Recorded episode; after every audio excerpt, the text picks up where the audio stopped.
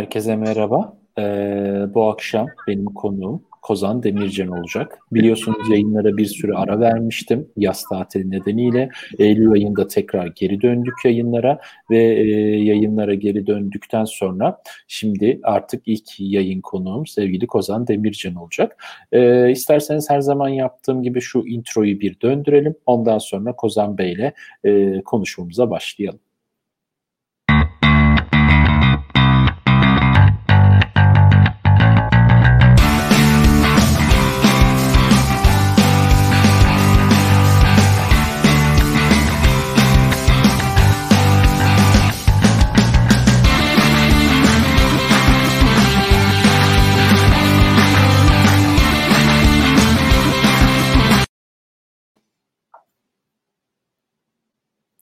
Evet arkadaşlar tekrar merhaba. Şöyle bir iki tane ayarımı yapmak istiyorum yayına başlamadan önce.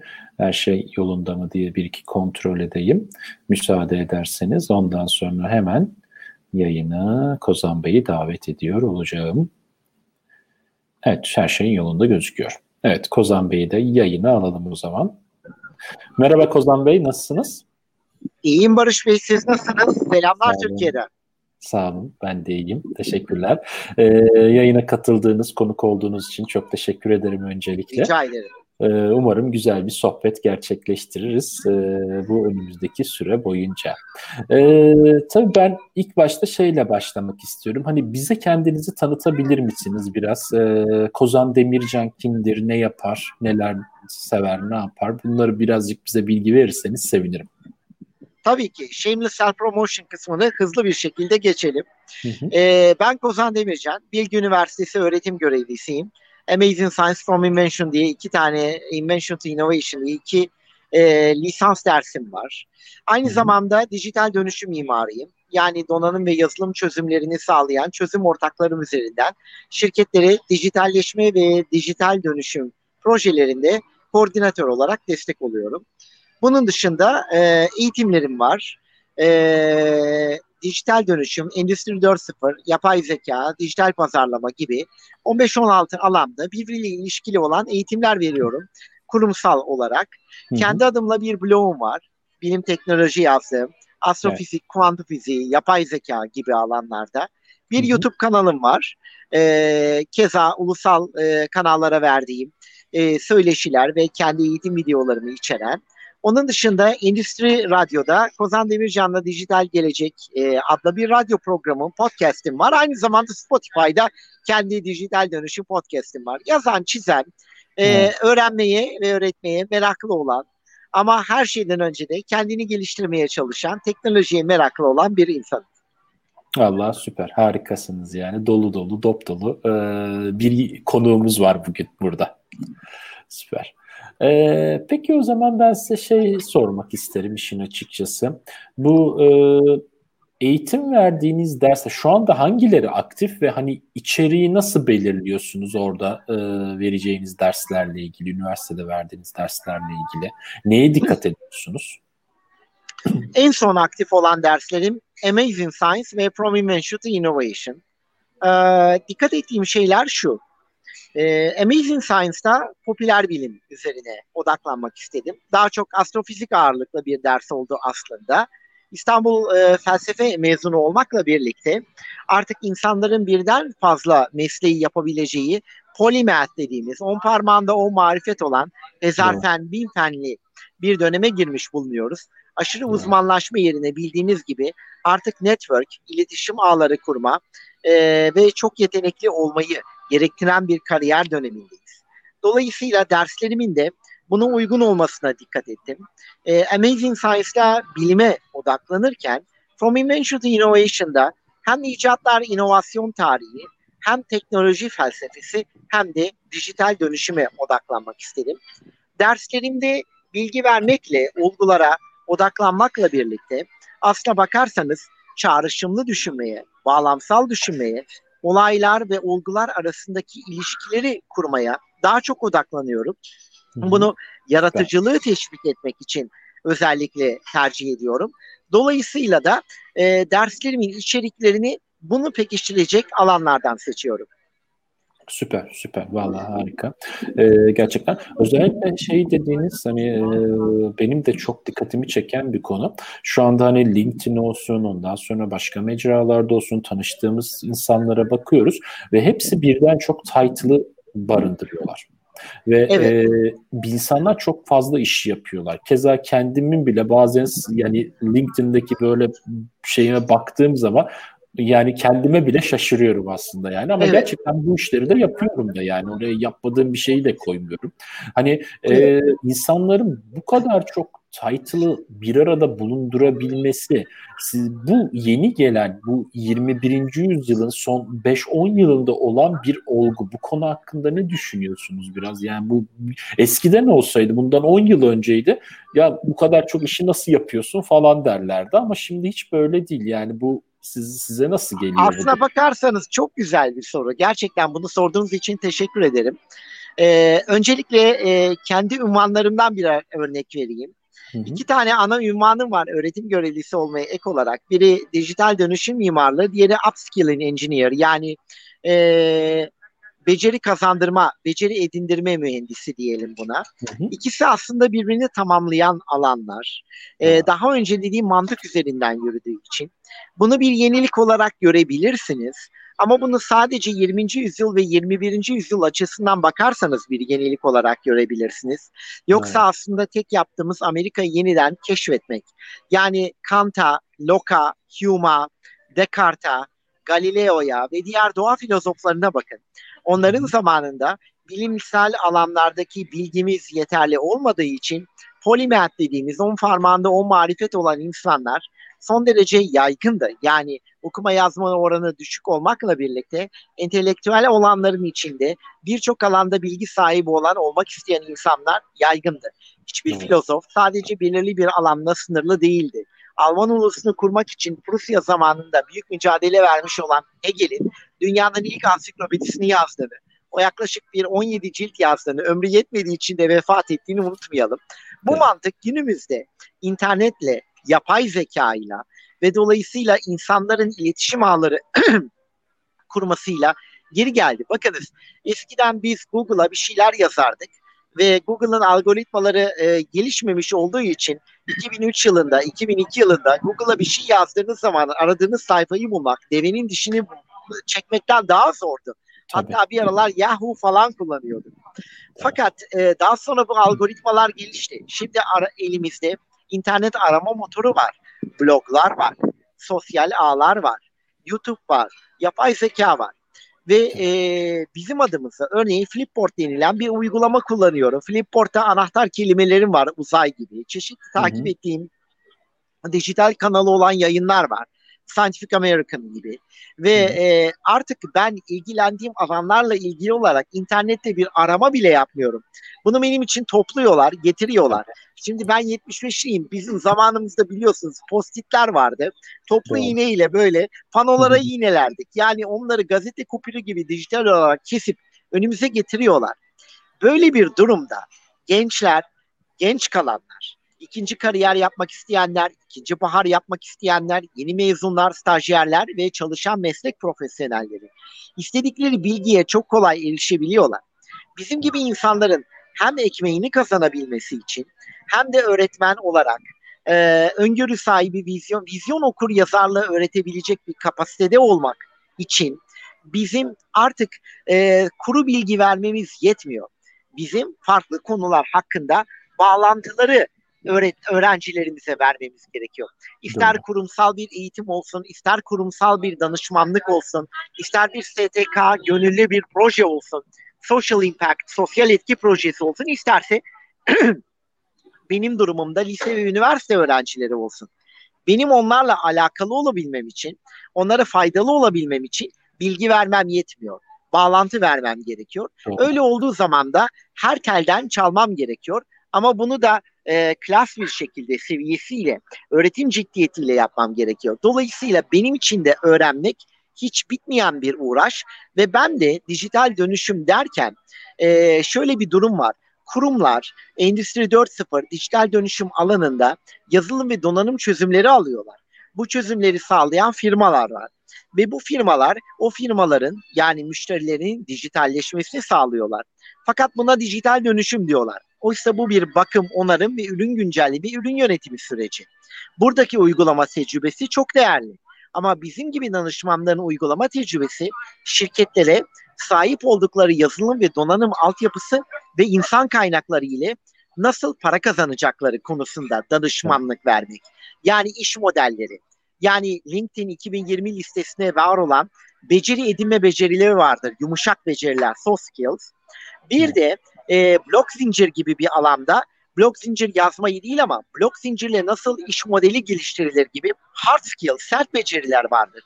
Bizim gibi danışmanların uzmanlık alanı bu alandaki uygulama tecrübeleri.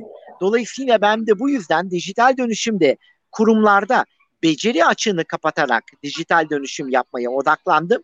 Kendimi dijitalleşmeden bir parça uzağa çekmeyi, fark yaratmayı tercih ettim. Dolayısıyla biraz uzun bir cevap oldu ama e, sorunuzun cevabı benim bakış açımdan bu. Evet evet anladım anladım. Ee, Valla evet aslında yani bu birden fazla bilgiyi bir arada barındırmak bir meziyet ve bilgileri birbirine bağlayabilmek ve bağlı bilgiler üzerinden bunları sunabilmek de e, bir meziyet haline geldi günümüzde. E, gerçekten bu şekilde bunu bu, bunu aslında iyi yapanlardan biri de aslında şu anda günümüzün e, sosyal medya fenomenlerinden biri aynı zamanda Elon Musk. Biliyorsunuz evet. Elon Musk da evet. aynı şeyi yapıyor. Birbirinden farklı konulardaki e, aslında Elon Musk'ın ben kitabını da okudum. Hayat biyografisini anlatan kitabı. E, mesela SpaceX'in e, şeyine gitmeden önce yani SpaceX satın almadan önce saatlerce ve günlerce kitap okuyor astronomi evet. ve uzay bilimiyle alakalı, roket bilimiyle alakalı, bunların nasıl olacağıyla alakalı ve e, ya bunların hepsi şans eseri olmuş şeyler değil. Bunların hepsi arka planda çalışmasıyla olan şeyler. Evet. Peki o zaman hadi birazcık daha popüler konuya geçersek. Neuralink hakkında ne düşünüyorsunuz? Onun yani bu bir geleceğin e, geleceğimizi nereye götürecek? Yani işin sonu böyle beyinlerimizi kopyalamaya kadar gider mi? nereye varır sizce? E, ben e, baştan uyarayım. Bunun da cevabı biraz uzun olabilir. E, affınıza sığınarak. E, önce net bir cevap vermek istiyorum. Özellikle Neuralink üzerinden gelirsek, geçenlerde biliyorsunuz Elon Musk kendi kurduğu Neuralink şirketinin geliştirdiği M1 iç beyin protezini yani implantı tanıttı. Bu beyin kabuğu üzerine yerleştirilen elektrot telleri ve bunların bağlı olduğu madalyan büyüklüğündeki bir metalik diskten oluşuyor. Ve insan beyninin kablosuz internet üzerinden bilgisayarlarla iletişim kurmasını sağlıyor. Ki buna ben telepatik internet diyorum ama aslında bu medyatik bir terim. Telepatik internet Türkçe kablosuz iletişim demek. Dolayısıyla Wi-Fi bağlantısı da bir telepatik internet. Doğru. Fakat Doğru. buradaki havalı kısım şu. Bugüne kadar bizler klavye gibi arayüzler kullanıyorduk. Fiziksel ve sanal klavye, tabletler, laptoplar veya masaüstü bilgisayarlar. Zaten bilgisayarlara entegre idik. Ancak Elon Musk burada band genişliğini artırıyor. Ve evet. kendi duyurusunda da dikkat edecek olursanız bandwidth, band genişliği terimini kullandı. Çünkü yapmak istediği uzun yıllarda devam ede gelen bir çalışmayı güçlendirmek. Bugün e, biz insanlar zaten bilgisayara entegreyiz. İnternet sayesinde dünyada yaşayan insanların yaklaşık yarısını ürettiği bilgiye ömür boyu sahip olamayacağımız bilgiye erişebiliyoruz. Basit bir USB bellek flash disk üzerinden asla hatırlayamayacağımız kadar çok veriyi depolayabiliyoruz. Biz zaten bilgisayarlara entegre olduk. Ama iletişim hızımız klavyelerle sınırlı. Elon Musk beynimizi doğrudan bilgisayarlara bağlayarak burada bir devrim yapmak istiyor. Şimdi bu işin devrim tarafı nedir? Yani PR'ına gelecek olursanız felçli hastaları boynundan aşağısı e, geçenlerde aramızdan ayrılan Stephen Hawking veya Christopher Reeves yani Superman na na na na na na na na Superman'in e, oynayan Christopher Reeves gibi insanların felçli insanları ayağa kaldırmak olarak lanse ediliyor ki çok güzel bir şey. İlk bakışta yapılabilir. 2006'dan beri Darth Vader tarzı göğüs ve karın aparatları takarak aynı zamanda omuriliğe felçli insanları ayağa kaldırabiliyoruz. Belki hatırlarsınız 2014 Dünya Kupası'nda da dış iskelet giyilebilir e, robot takmış olan bir felçli kişi e, kupayı açan futbol topuna santraforda vuruş yapmıştı. Doğru. Bu güzel. Ama asıl devrimsel yanı bu değil Neuralink'in. Band genişliği olarak bakın bunu. Az önce on parmağında o marifet olmaktan bahsettik. Bugün Türkiye'mizin eğer kalkınmasını istiyorsak gençlerimize ve genç kalanlara dört tane alanda tavsiyem var. Birincisi sürdürülebilirlik. Bakın sürdürülebilirlik yani işte sürdürülebilirlik, kariyerde sürdürülebilirlik, çevre kirliliğini, küresel ısınmayı, yıkıcı iklim değişikliğini engellemek, betonlaşmayı engellemek anlamında sürdürülebilirlik. Aşk hayatında, sosyal ilişkilerde sürdürülebilirlik. Bu çok Doğru. önemli. Doğru. İkincisi uzay bilimleri. Yani Mars'a gitmek ve benzeri işte Ay'a gitmek, maden çıkarmak, asteroid madenciliği ki blokta Kozan Demircan blokta bununla ilgili çok yazı bulabilirsiniz. Doğru. Yapay zeka kesinlikle ama gençlerimize her şeyden önce dördüncüyü tavsiye ediyorum. Takım çalışması ve işbirliği. Siz bana İngiltere'den ulaştınız. Ne demek Doğru. istediğimi çok iyi biliyorsunuz. Ee, takım çalışması, işbirliği ve sürdürülebilirlik olmadan bizim kalkınmamız mümkün değil.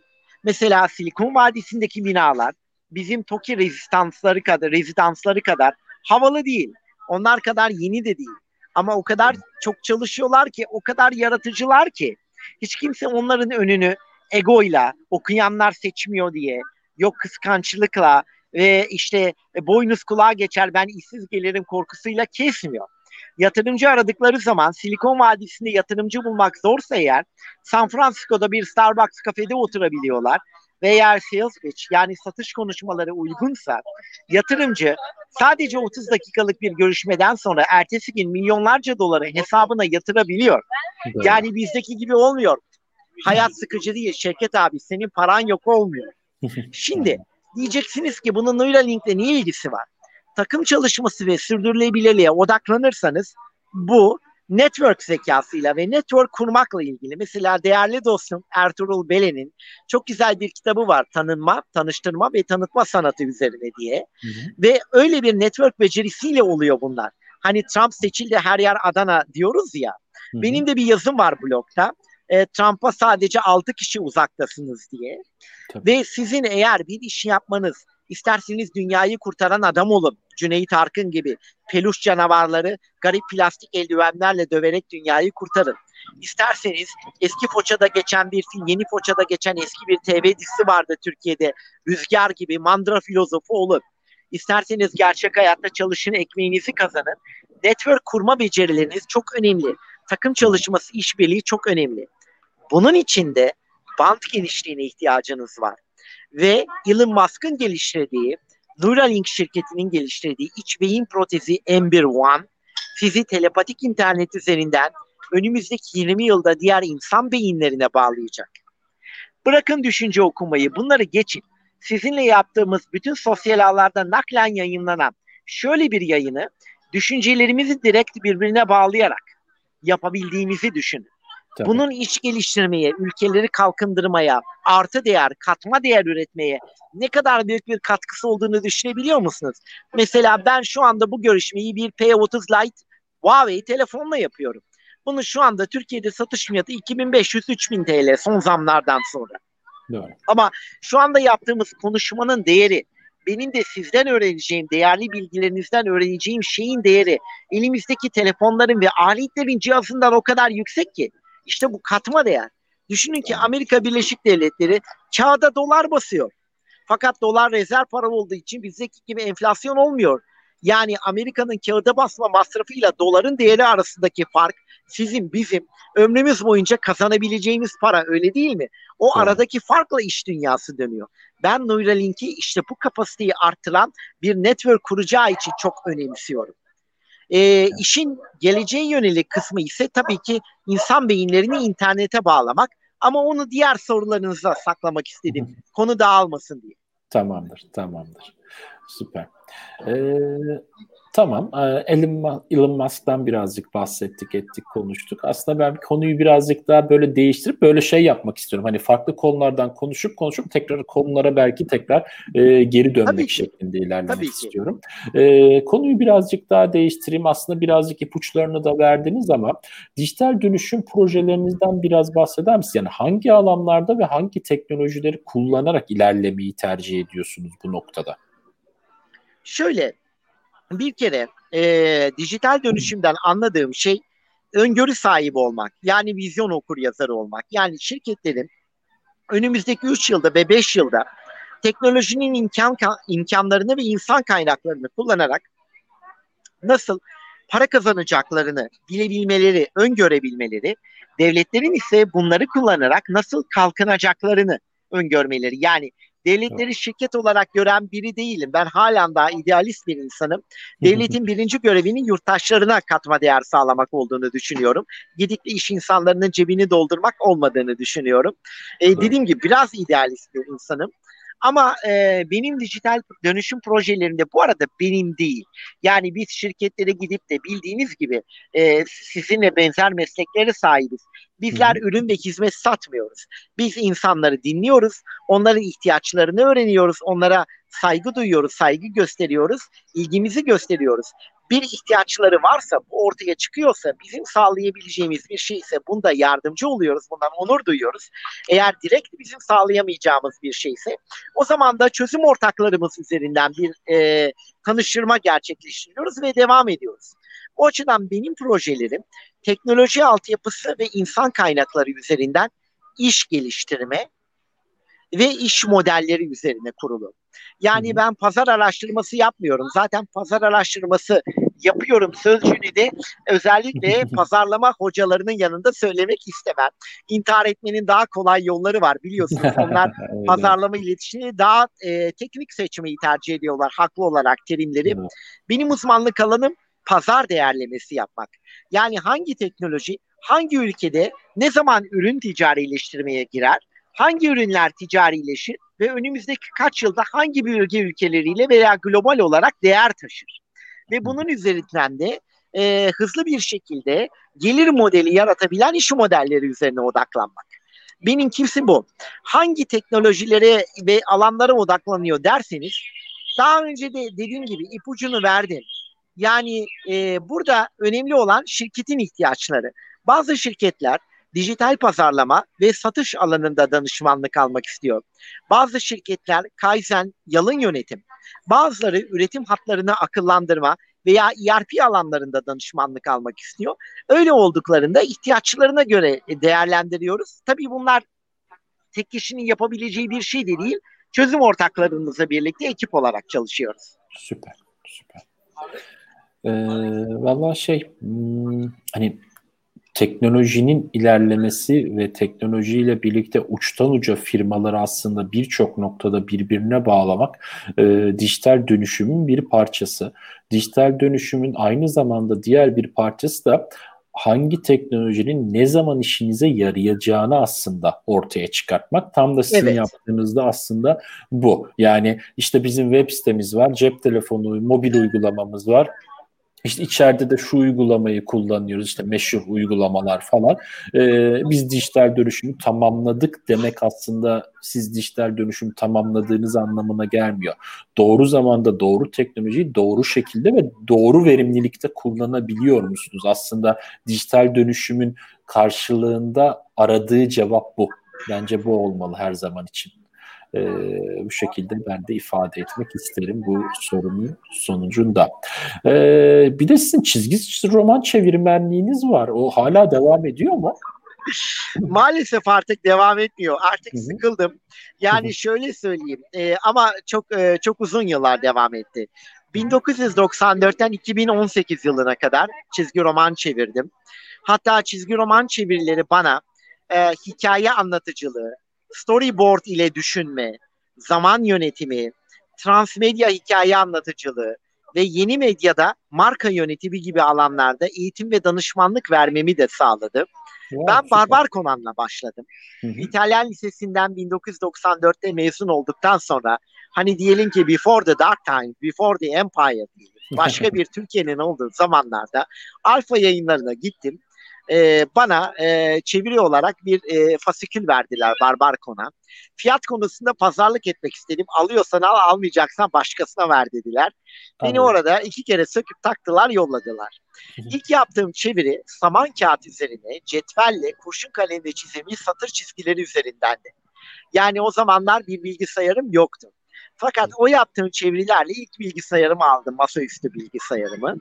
Ve e, 14 yıl Barbar Conan çevirdim. Önce Alfa yayınlarından, sonra değerli Ayşe Zayimoğlu'nun Yel kitabından Barbar Conan çevirdim. O arada e, Doğan yayıncılıkla da e, işlerim olmuştu. 1995 yılında hala Ege abi diyorum. Ege abi o zaman editördü. E, Mahmut Bey de Milliyet'in binasında çalışıyordu.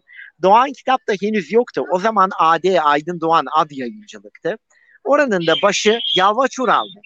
Yalvaç abiden ki e, kızı Burcu da benim İtalyan lisesinden sınıf arkadaşımdı.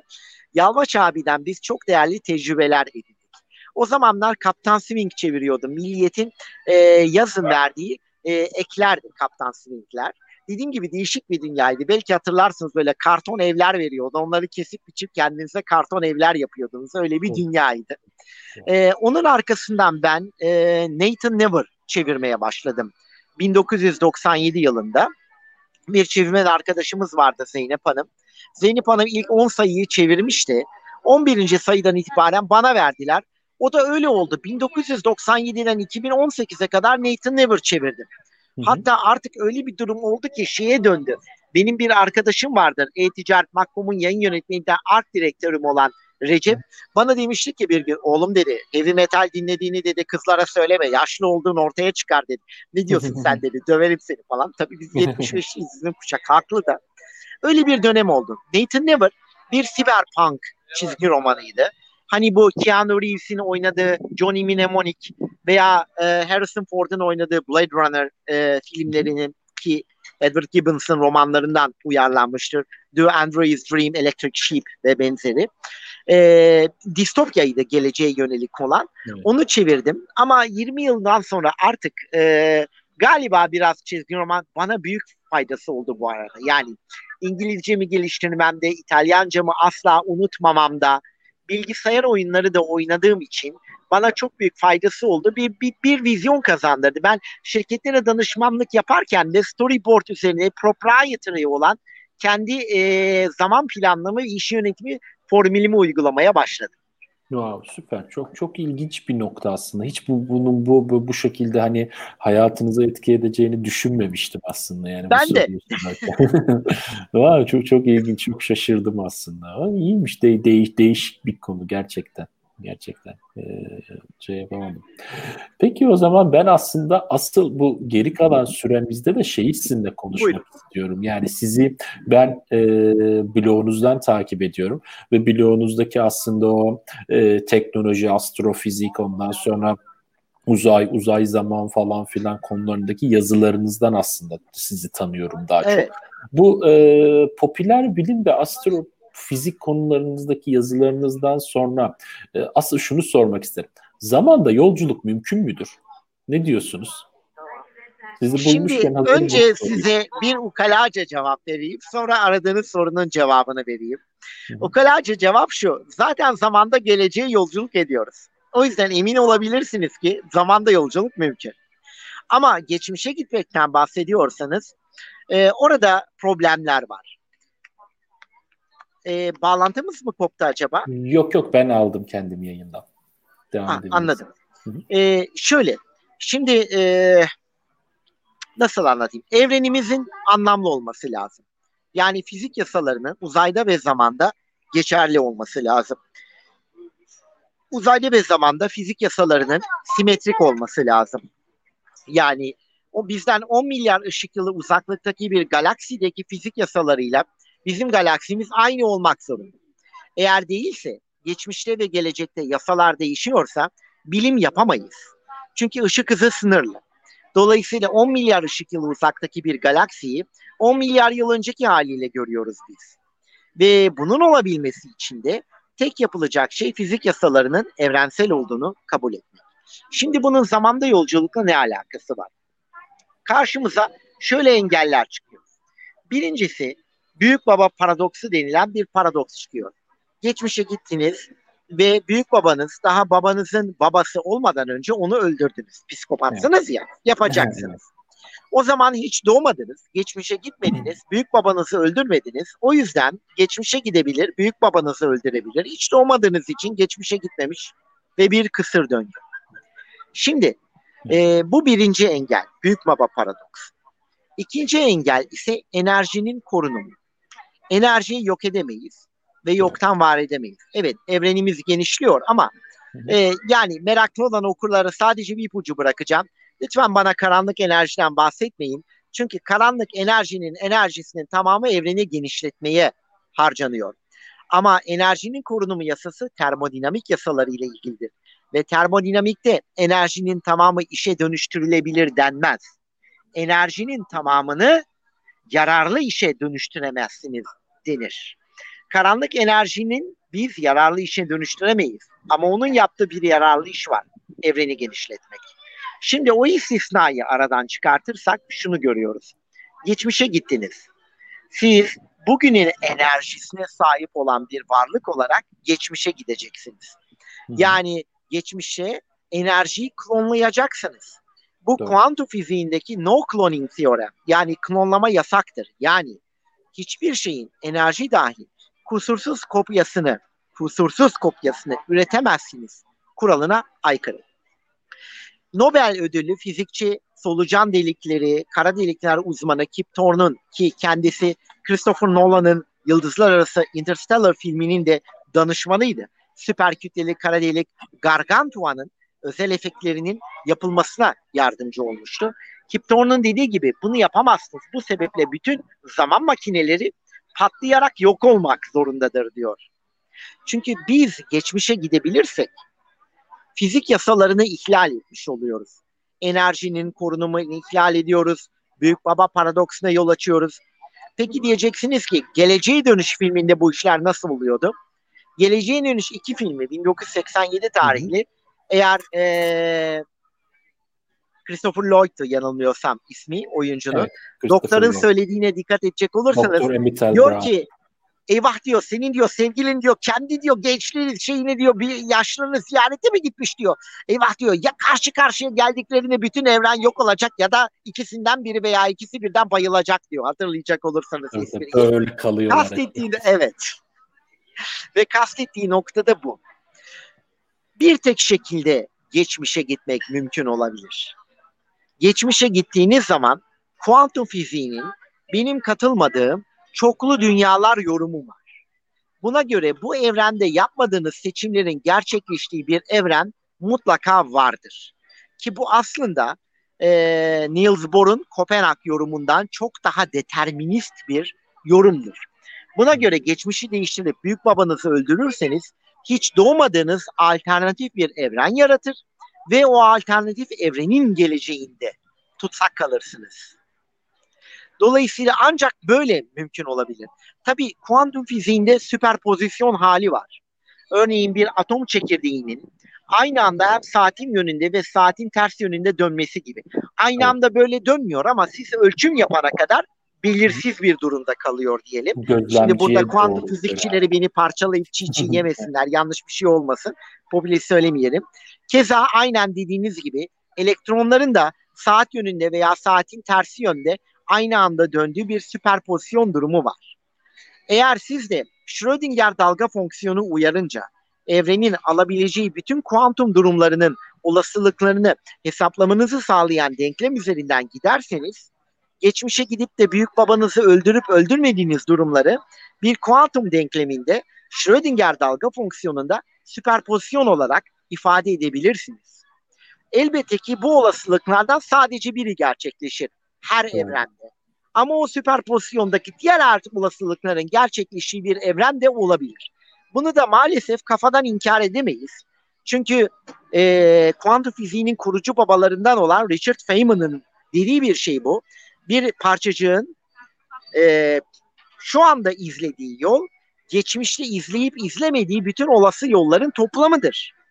Yani modüler hesap modül olarak düşündüğünüzde.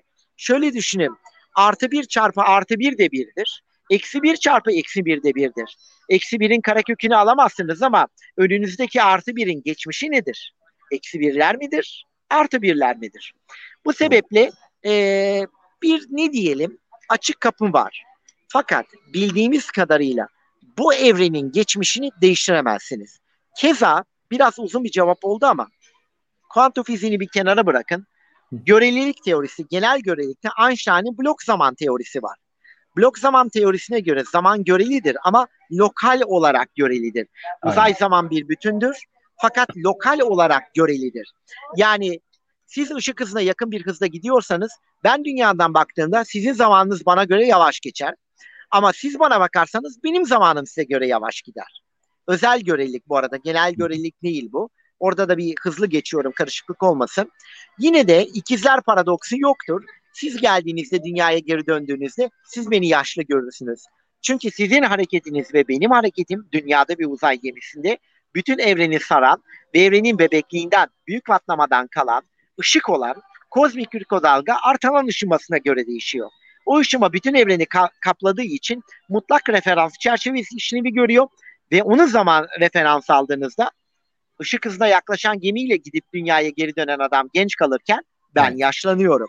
Hı hı. Şimdi oysa evrene dışarıdan bakmamız mümkün olsaydı evrende geçmiş, gelecek ve şimdi değil bütün zamanların aynı anda olduğunu Aynen. yani zamanın doğrusal olmadığını görecektik.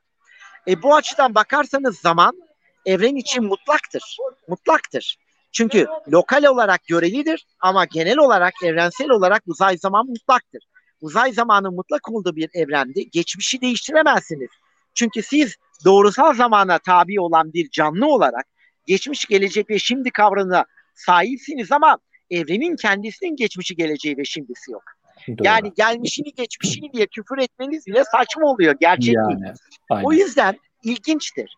Yani görelilik teorisiyle özel göreliliği birleştirebiliyoruz kuantum fiziğiyle ama genel göreliliği yer çekimiyle birlikte kuantum fiziğiyle birleştiremiyoruz.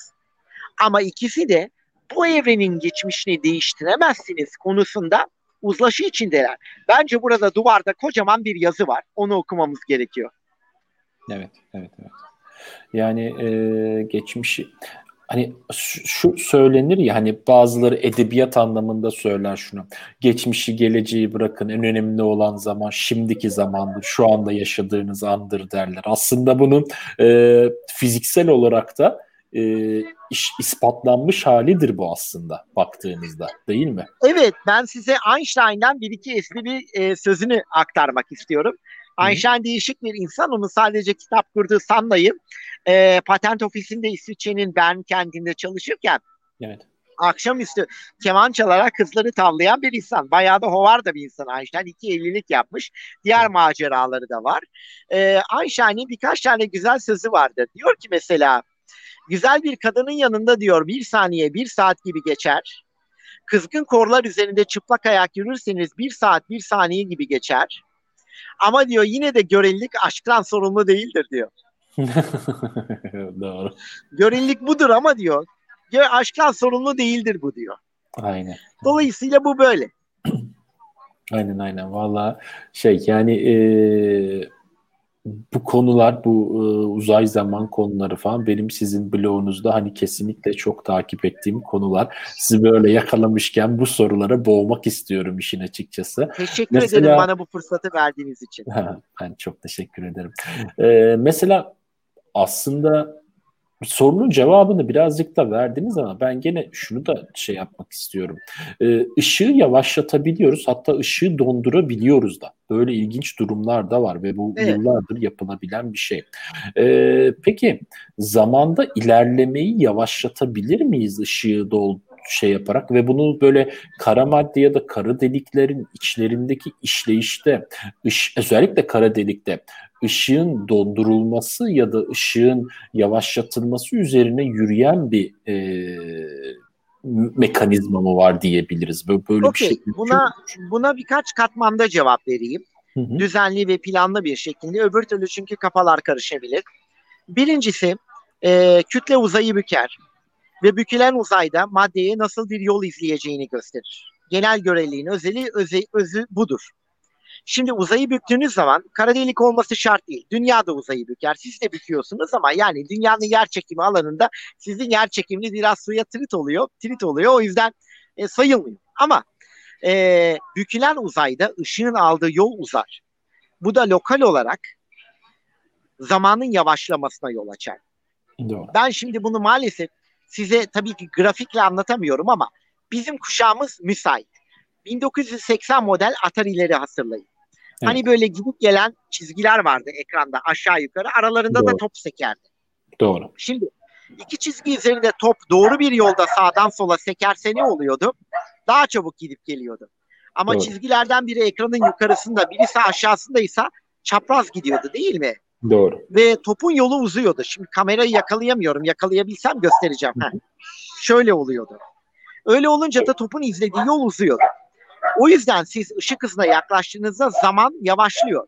Işık hızına yaklaşan bir kutu düşünün. Kutunun içinde sürekli seken fotonlar düşünün. Bu fotonlar kutu hareketsizken yukarı aşağı tık tık gidip gelecekler. Doğru. Ama ışık hızına yaklaşırken kutu ileride kalıyor, foton geride kalıyor. Köşegen bir yol izlemesi gerekecek. Fotonun izlediği yol uzayacak ve Doğru. tiktaklar yavaşlayacak. O tiktaklar zamanın tiktaklarıdır. Dolayısıyla böyle bir yavaşlama söz konusudur. Keza bükülen uzayda da öyledir. Çünkü görelilik teorisinde eş değerlik ilkesi vardır. Yani dünyada ayakta durmak ile uzayda serbest düşüşle dünyaya düşmek arasında hiçbir fark yoktur. Dolayısıyla kütlenin uzayı bükmesiyle uzayda sabit hızda gitmek arasında bir fark yoktur. Bu sebeple zamanın yavaşlama arası arasında bir fark yoktur. Bir kere bunu bir söyleyelim. Hı hı. Şimdi ışık hızı evrenseldir. Yani evrendeki bütün fizik yasalarının mutlak referans çerçevesidir. O yüzden ışık hızı aslında hiç değişmez. Ama ışığın hızını yavaşlatabilseydiniz sorunuzu net cevap. Kesinlikle ve kesinlikle zamanı yavaşlatırdınız. Hatta mucize bir şey olurdu. Tanrı falan olurdunuz. Ben Ağrı Dağı'nda gidilse karaboğa falan kurban ederdim. Çünkü krom şey Konan çevirdim ya illa şimdi hava atacağım. ee, neden? Çünkü ışık hızını yavaşlatmak demek evrensel olarak zamanın akışını yavaşlatmak demek. Fakat gerçekte böyle değildir. Derler ki ışığın hızı boşlukta yaklaşık saniyede 300 bin kilometredir. Okey. Sabittir bu. Ve derler ki işte ışık camın içinden geçerken yavaşlar, suyun içinden geçerken yavaşlar, ışık kırılır. Doğru ama bunun sebebi ışık hızının yavaşlaması değil. Işık foton parçacıklarından oluşuyor. Ve fotonlar elektromanyetik kuvvetin taşıyıcısı. Dolayısıyla elektrik ve manyetik alanlara duyarlılar. Onlardan etkilenebiliyorlar. Doğru. Cam da su da moleküllerden, o moleküller atomlardan oluşuyor. Atomların etrafında elektronlar var. Eksi elektrik yükleri var. Atom çekirdekleri protonlar ve nötronlardan oluşuyor. Protonların elektrik yükü var artı. Dolayısıyla ışık bu maddelerin içinden geçerken manyetik alanlardan etkilenerek ve bunların kütlesinden etkilenerek kırılıyor. Ama en çok da manyetik alanlardan. Çünkü yer çekiminde manyetik alanlar baskın çıkıyor. Demek istediğim şey şu.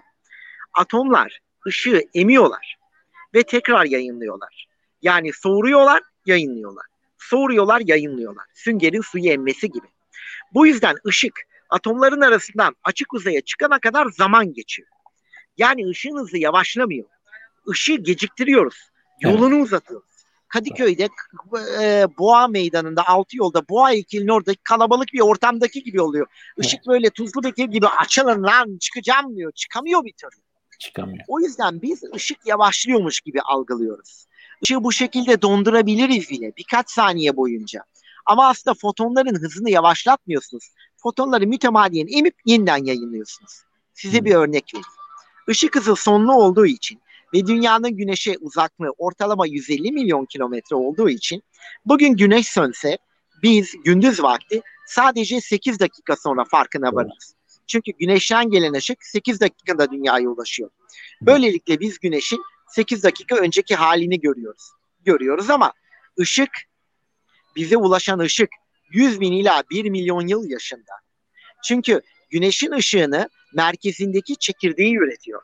Fakat güneşin merkezi o kadar yoğun ki gariban ışık çekirdekten çıkıp uzaya çıkana kadar güneşin içinde emile yayınlana, emile yayınlana 100 bin ila 1 milyon yıl geçiriyor.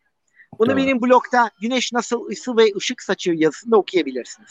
Dolayısıyla bir anlamda ışığı yavaşlatabilir ve dondurabiliriz. Ama kimse hayal kurmasın ışık hızı sabittir. Yaklaşık saniyede 300 bin kilometredir.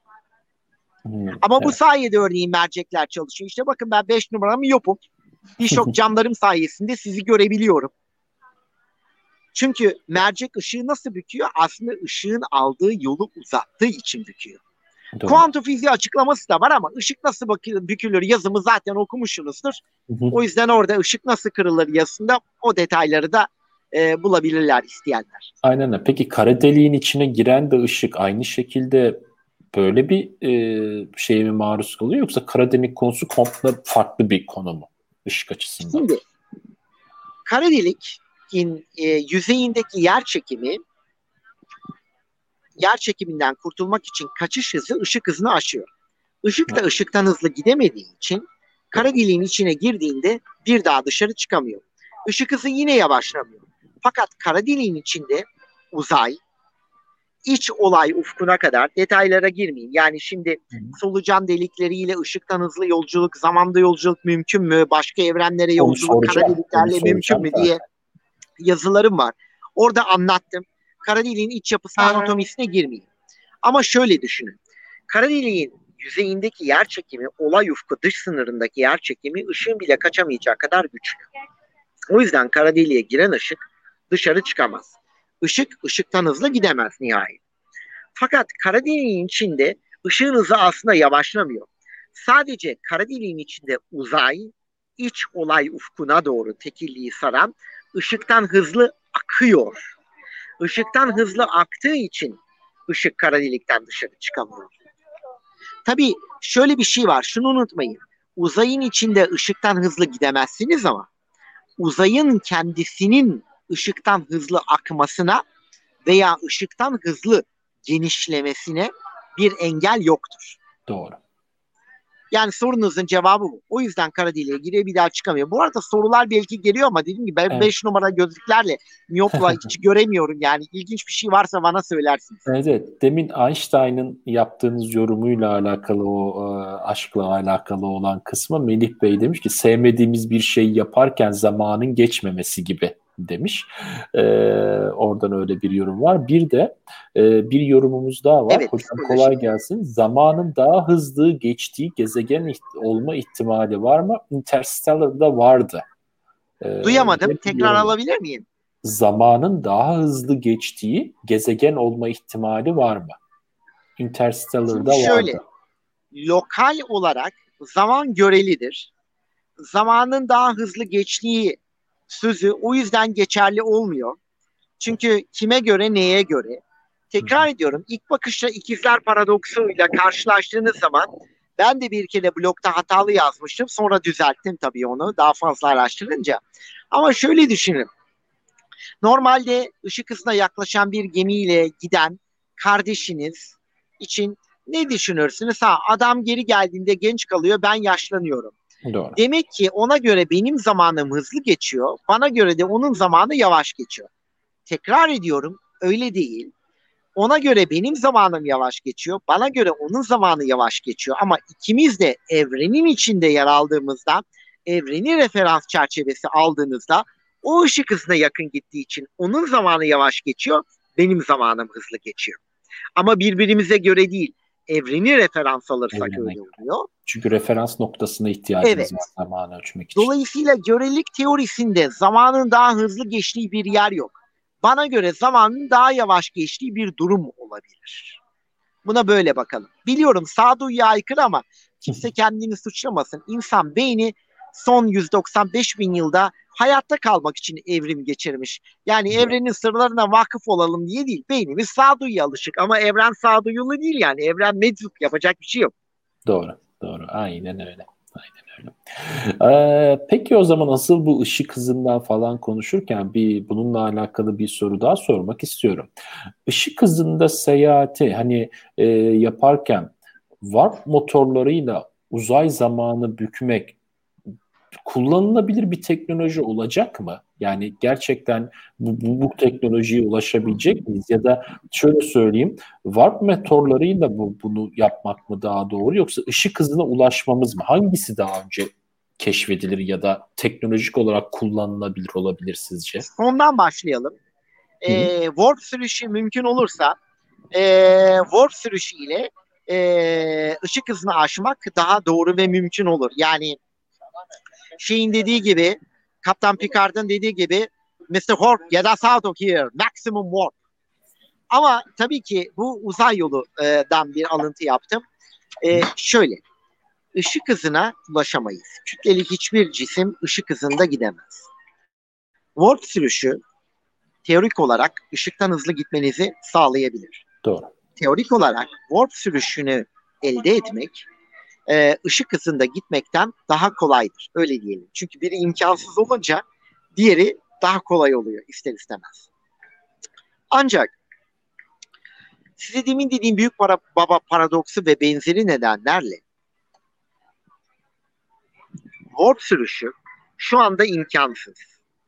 Çünkü warp sürüşü aslında ışık hızını aşmadan ışıktan hızlı yolculuk etmenizi sağlayan bir çözüm. Doğru. Yani fizik Uzayı zamanı hile yapmanızı sağlıyor. Çünkü geminiz aslında hareket etmiyor. Fakat Evet. siz geminin önündeki uzayı gerip arkadaki uzayı büküyorsunuz. Bu da e, bir tür şelaleden düşen adam etkisi yaratıp uzayda ışıktan hızlı yol almanızı sağlıyor. Fakat warp sürüşünün bugünkü fizikte imkansız olmasının sebebi ışıktan hızlı iletişime izin verecek olması. Warp sürüşü ve solucan delikleri ile ışık hızını aşmadan ışıktan hızlı iletişim kurabilirsiniz. Ve bu da neden sonuç ilişkisini bozar. Çünkü ışık hızı nedenselliğin neden sonuç ilişkisinin hızıdır. Ve ışıktan hızlı, hızlı iletişim kurmak demek sizin lambayı yakmadan lambanın yanması gibi bir e, şeye yol açar. E, çelişkiye yol açar. Keşke olacak. Bu yüzden evren warp sürüşüne izin vermiyor. Benim uzay zamanı bükebilmem için gereken enerji büyük patlamanın enerjisine denk. Ben bunu ancak negatif kütle gibi ya da sanal parçacıklar gibi eksi birin karekökü gibi değerlere imaginary number i artı i artı i plus bileşenlerine sahip eee maddeyle yapabilirim. Fakat bu madde teorik ve evrende yok. O yüzden ben uzay zamanı sonsuz enerji olmadan bükemem. Fizik yasalarının bizim evrenimizi tanımlayabilmesi için onlara elle bazı evrensel sabitleri, parametreleri girmemiz gerekiyor. Bunlara biz weak energy condition yani zayıf enerji koşulları diyoruz. Zayıf enerji koşullarını Einstein denklemlerine eklediğiniz zaman Stephen Hawking'in ölmeden önce kanıtladığı gibi sonsuz enerji kullanmadan normal madde enerjiyle uzayı büküp warp sürüşü yapamazsınız. Negatif kütle ve benzeriyle yapabilirsiniz ama e, buluyorsak bulalım yani. Negatif kütle bildiğimiz kadarıyla yok. Bu sebeple warp sürüşü teorik olarak mümkündür ama bildiğimiz fizikte imkansızdır. Anladım. anladım. Ee, bu da beni hayal kırıklığına uğrattı. Aslında bu da birazcık Star Trek'in e, birazcık e, imkansıza oturduğu anlamına geliyor birazcık. Yeni bir fizik bulursak mümkün olabilir ama bakınız elimizdeki fiziğin eksik olduğunu biliyoruz. Evet. Doğru. Yani standart modelin tanımlayamadığı karanlık madde, karanlık enerji var. Planck ölçeğinden daha küçük ölçeklerde Planck enerjisi ve benzerinde bildiğimiz fizik yasaları işlemiyor. Kara deliklerin içindeki tekillikte fizik yasaları işlemiyor. O yüzden e, elimizdeki fiziğin eksik olduğunu biliyoruz. Bugünkü fizikte imkansız. Yeni bir fizikte mümkün olabileceğini de pek sanmıyorum ama kafadan da imkansız diyemem. Yeni bir Tabii. fizik keşfederiz olur yani. Dediğim gibi Trump seçildi. Her yer Adana. Her şey olur yani. Doğru. Doğru. doğru. Ee, peki o zaman size şeyi sorayım. Madem bu konulara böyle iyice daldık. Asteroid madenciliği ve Mars'ta yaşam konularında hani düşünceleriniz nerede? Bunlar sanıyorum bundan daha gözle görülebilir bir gelecekte karşımıza çıkacak olan konular olacaktır. Evet. Özellikle asteroid madenciliği, Mars'ta yaşam. Hani ne kadar sürer sizce bu ya da bu noktalara gelmemiz insanoğlunun? Ee, bu konudaki yani görüşleriniz nelerdir? Çok merak ediyorum gerçekten. Mars'la ilgili hızlıca cevap vereyim. Konuyu da çünkü çok dağıtmak istemiyorum, uzatmak istemiyorum. Diğer sorularınıza da zaman kalsın. Hı hı. Ama şöyle söyleyeyim. Mars'a 2035'ten itibaren insan göndereceğiz. Mars'taki ilk yerleşimlerin, kalıcı yerleşimlerin 2050'den önce kurulacağını zannetmiyorum. Bu iyimser bir e, tahmin. 2060'da olabilir. Tıpkı Kim Stanley Robinson'ın Mars üçlemesinde olduğu gibi Red Mars, Green Mars, Blue Mars. E, bu birinci yanıt bu. İkincisi Mars'a yerleşmek, Mars'a gitmekle Mars'a yerleşmek iki ayrı şey biliyorsunuz. Ee, Mars'a yerleşebilmek için oradaki insanların kendi yağıyla kavrulabilmesi lazım. Yani bize bir ekonomi lazım. Mars ekonomisi lazım. Kendi yakıtını üretecek, kendi oksijenini, kendi suyunu aratacak. Dünyadaki gibi e, ekmek fırını olacak. E, işte ne bileyim ben aşuresini yapabilecek falan. O düzeye gelirsek eğer 2060'tan itibaren insanlar Mars'ta yaşayabilirler. Şimdi Mars'tan madencilik yapıp maden çıkarmamız mümkün olmayacak. Yani Mars'takiler kendi için yaparlar. Ama dünya için ekonomik değil. Yani tamam Mars'ın yer çekimi dünyanın yüzde 39'u ama yani Mars'a gideceksiniz 60 milyon kilometre yolunuz sürecek 6 ay. Mars'ta gideceksiniz. Otoboku kazacaksınız. Kusura bakmayın. Şeyi madeni çıkartacaksınız. Mars'tan roket fırlatacaksınız. Dünyayı geri getireceksiniz. Yani hepimiz iş insanıyız. Bu evet. feasible değil. Astarı evet. yüzünden pahalıya gelir. Asteroidlere gelince durum farklı. Neden? Asteroidlerden maden çıkarmak ekonomiktir. Her şeyden önce asteroid madenciliği deyince insanlar Mars'la Jüpiter arasında Güneş'e ortalama 440 milyon kilometre, Dünya'ya da ortalama 290 milyon kilometre uzaklıkta olan asteroid kuşağını anlıyorlar. Fakat bizim o kadar uzağa gitmemize gerek yok ki. Dünya ile Mars arasında maksimum 20 milyon kilometre uzaklıkta yer yakın asteroidler var.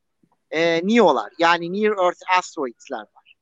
E, onlardan maden çıkarabiliriz. Şimdi İstanbul'da Aydos Tepesi büyüklüğünde bir demir asteroidi dünyaya getirsek elbette demir sudan ucuz olurdu ama bugünkü demir kilo başına fiyatlarla bu asteroidin değeri söylüyorum 10 bin katrilyon dolar değerinde. Tekrar ediyorum. 10 bin katrilyon dolar değerinde.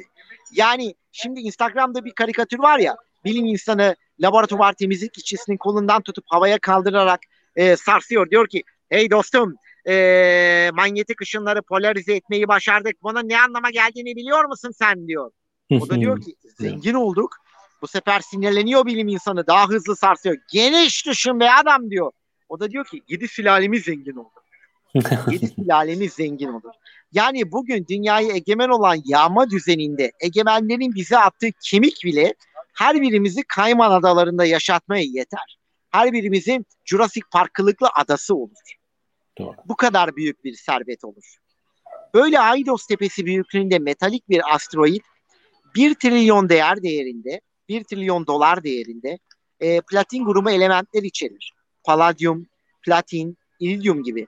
Şimdi belki biliyorsunuz 2013 yılında Rusların Hitler'den çaldığı palladium stokları bitti. Elimizde bir Güney Amerika Güney Amerika kaldı.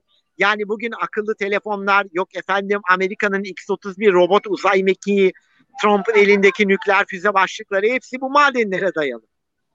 Doğru. Doğru. İşte biz bu madenleri asteroidlerden çıkarabiliriz. Çünkü böyle yakın doğuda Rusların önünü kesmek için oraya gireyim, doğal gaza odaklanayım, petrolü karıştırayım, Doğu Akdeniz'de bu saçmalıklar çok kan kaybettiriyor. Ve dünyadaki değerli metaller gittikçe azalıyor. Yani ticari kapasitesi azalıyor. Yoksa dünyada nüfus artışına hesaba katsak bile bize yetecek 300 yıl yetecek petrol var. Ama o petrolü okyanusta 2 kilometre 3 kilometre derinden çıkarmak astarı yüzünden pahalıya gelir. O yüzden asteroid madenciliği önemli. Tabii ay madenciliği de olacak. O ayrı bir mesele. Doğru. Ama asteroid madenciliğinde şeyi de biliyorum. Sadece saf altından oluşan e, asteroidlerin olduğunu da biliyorum ve onların da değerleri yine inanılmaz olacaktır yani e, demirle Bence kıyasla. hiç değerli olmayacak. Saf altından oluşan bir asteroid getirin dünya ne olur? Altın tuvalet kağıdı gibi olur. Kimin işine yaradı? Şeye Aa, benziyor. Ama Uzay yolunda hani kullanıldığı... kazıklayıp ona böyle latinum vereceklerine hani gold pressed latinum vardı ya latinumu replikatörlerle üretemiyorsunuz atomlarından diye. Uzay yolunda Ferengilerin kullandığı değerli bir metaldi. Şimdi Quark'a e, Derin Uzay 9 uzay istasyonundaki bar sahibi Ferengi uzaylısı Quark'a ödeme yapıyorlar ama Latinum yerine yani gold press değil altın baskılı değil sadece altın veriyorlar. Quark bir dolusu, oda dolusu altın külçe geliyor. Bu ne diyor? Kazıklandım diyor. Altını diyor biz diyor. Sudan ucuza üretebiliyoruz. Bu beş para etmez diyor. Altınlara tükürüyor geri dönüyor. Şimdi siz diyorsunuz ki Aydos tepesi boyunda altın getireceğim den uzaydan. Vallahi getirin. Altının hiç değeri olmaz. Türk ekonomisine de çok gülerim o zaman altın fiyatlarını. Ama altının kullanıldığı yerler de var. Yani o açıdan baktığınızda çok daha farklı bir e, şey olabilir. Bilmiyorum. Tabii. Tabii. Altın çok değerli bir maden çünkü e, iletkenliği açısından ve diğer konularda bayağı. O zaman ama şey olur e, Barış Bey bence kornukopya ekonomisi olur. Hani Roma mitolojisinde bereket boynuzu kornukopya var ya içinden devamlı üzümler, şaraplar, işte yiyecekler akıyor böyle. Öyle bir teknoloji olabilir. Yani insanların istedikleri ürün ve hizmetlere ücretsiz ulaşabileceği bir kornukopya teknolojisi. Bu da sınırsız veya sınırsıza yakın kaynaklar ve çok üstün üretim teknikleriyle mümkün olabilir. O zaman altın bir ticari meta değeri taşımaz. E, fakat e, insanların yaşaması için uygarlığın önemli bir parçası olur. Siz Star Trek'i uzay yılını çok sevdiğiniz için First Contact, ilk temas 1996 Borglarla savaştıkları filmden örnek vereyim. Orada e, dünyanın geçmişine gidiyorlar. Borgların dünyayı insanlar uzaya açılmadan önce asimile etmesini engellemek amacıyla. Evet. Ve e, orada e, ilk insanlığın warp sürüşü gerçekleştiren uzay gemisini inşa eden kadınla karşılaşıyorlar. Kadını kurtarmak için e, Atılgan E'ye hükümran sınıfı yıldız gemisi 600 700 e, 640 e, ne kadardı? 715 metre boy 600, 685 metre boyunda 24 güverte 2 milyon 330 bin ton ağırlığında 700 mürettebatı var. O gemiyi ışınlıyorlar. Kadın gemiyi bir görüyor diyor ki bu gemiyi diyor daha çok nereden yaptınız diyor. İşte diyor üç katmanlı titanyum alaşımı artı duranyum denilen malzemeden belki bilirsiniz. E, duranyum, tritanium, double hull derler bu tip gemilere e, çift cidarlı. Benim diyor dünyanın diyor ilk diyor ışık hızını aşabilen uzay gemisini üretmek için 4 metrekarelik kokpit yapacak titanyumu bulmam diyor. 6 ayımı aldı diyor. Siz diyor bundan diyor 675 metre uzunluğunda uzay gemisi nasıl çıkardınız diyor. O zaman da Kaptan Picard diyor Patrick Stewart. Şimdi Picard diye dizisi de geldi. Belki hatırlarsın Sir Patrick evet. Stewart diyor ki geleceğin diyor ekonomisi biraz farklı diyor. Doğru. Doğru. Hat hatırlıyorum. Din altın gelirse öyle olacak yani. Evet, evet. Ya işte madenlere ulaşabilmek bu anlamda önemli ve değerli aslında. Yani bu madenler evet. parasal anlamda değil fakat kullanıldıkları ve inşa ettikleri o e, nasıl diyeyim yeni dünya için değerli olacak aslında baktığınızda. Evet. Evet bu şekilde bunu söylerim. Peki aslında size son bir soru sormak istiyorum. Buyurun. Son sorumu soruyorum. Star Trek mi Star Wars mu? Çok ağır sordunuz. Çok ağır sordum. Bir de onun için İkisini de seviyorum. Şöyle söyleyeyim. Tutkulu bir şekilde hayata ve tutkularıma kapılmak istediğimde ve aksiyon seven bir insan olarak bol adam öldürmek istediğim zaman özellikle de seksi pozlarla Star Wars'u seviyorum. Yani Hı-hı. hiç kimse onlar kadar çekici adam öldürmüyor, kelleleri almıyor. Ee, o büyük yıldız gemileri, binlerce gemiden oluşan yıldız destroyerleriyle toplu fiyolar, Jedi'lar falan bayılıyorum. Bu arada eğer yayına da girdi kaçırmadıysanız Clone Wars'ın e, hani şeyinin e, animasyonunun 7. sezonu e, geçen e, sonbaharda yayınlandı. Onu Disney bir yerden yakalarsanız ama Disney Plus var. İngiltere'de olduğumuz için öyle güzelliklerimiz var bizim. Disney Plus. Evet, evet. Harika bir şey. Mandalorian'ı izlemişsinizdir. İkinci sezonu da geliyor şimdi. Onu. Ama işe böyle hayatın anlamı nedir? İnsanlar etik bir şekilde artı değer yaratarak nasıl yaşarlar? O zaman uzay yolu tabii. Ben Deep Space Nine, Derin Uzay 9 hayranıyım. TNG yerine çünkü The Next Generation çok ideal, çok güzel, çok felsefi ama odadan odaya geçiyor. Kardeşim ben ara sıra adam ölsün istiyorum. İşte ise Deep Space Nine'da bir garak marak var. İki üç kavga ediyorlar. Worf var sıkıldığı zaman e, batletini çıkarıp e, orada iki tane deri yüzüyor hallediyor. E, o iki diziyi çok seviyorum. Hatta size şunu itiraf edeyim bütün bu iş hayatının temposu yüzünden düzgün kitap okuyamaz oldum. Storytel'de de yabancı yayınları bulmakta çok zorlandığım için Türkçesinde en sonunda e, dijital olarak indirdiğim bütün uzay yolu ve yıldız savaşları romanlarını İngilizce şimdi Google'ın o seslendirme seçeneğiyle yolda dinliyorum. Ya. Yolda yürürken dinliyorum. Yani başka yapacak bir şey yok. O yüzden bence ikisi de çok güzel. Evet. Evet, yani ikisi de çok güzel. Yani te, bilim sevenlere, teknoloji sevenlere, uzay sevenlere ikisi de zaten harika e, içerikler. Çok pardon. Evet. Evet geldim. Gözlüğüme bir karınca konmuş. Deminden beri diyorum ki görüşüm karardı ne oluyor? Tabu karası mı oluyorum? evet. Aslında şey bu benim son sorumdu işin açıkçası. Ee, tamam. Siz de böyle dışarıda tuttuğum bir saat boyunca böyle e, yayın yaptık. E, Valla çok sevindim geldiğiniz, katıldığınıza. Dediğim gibi ben, de çok memnun oldum çok e, izliyorum, takip ediyorum, yazılarınızı okumaya çalışıyorum.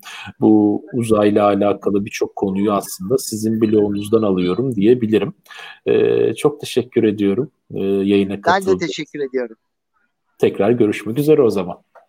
Görüşmek üzere. Tüm seyircilere de selamlar diliyorum. Size de başarılar diliyorum. İyi akşamlar. Kendinize iyi bakın. Siz de görüşmek üzere.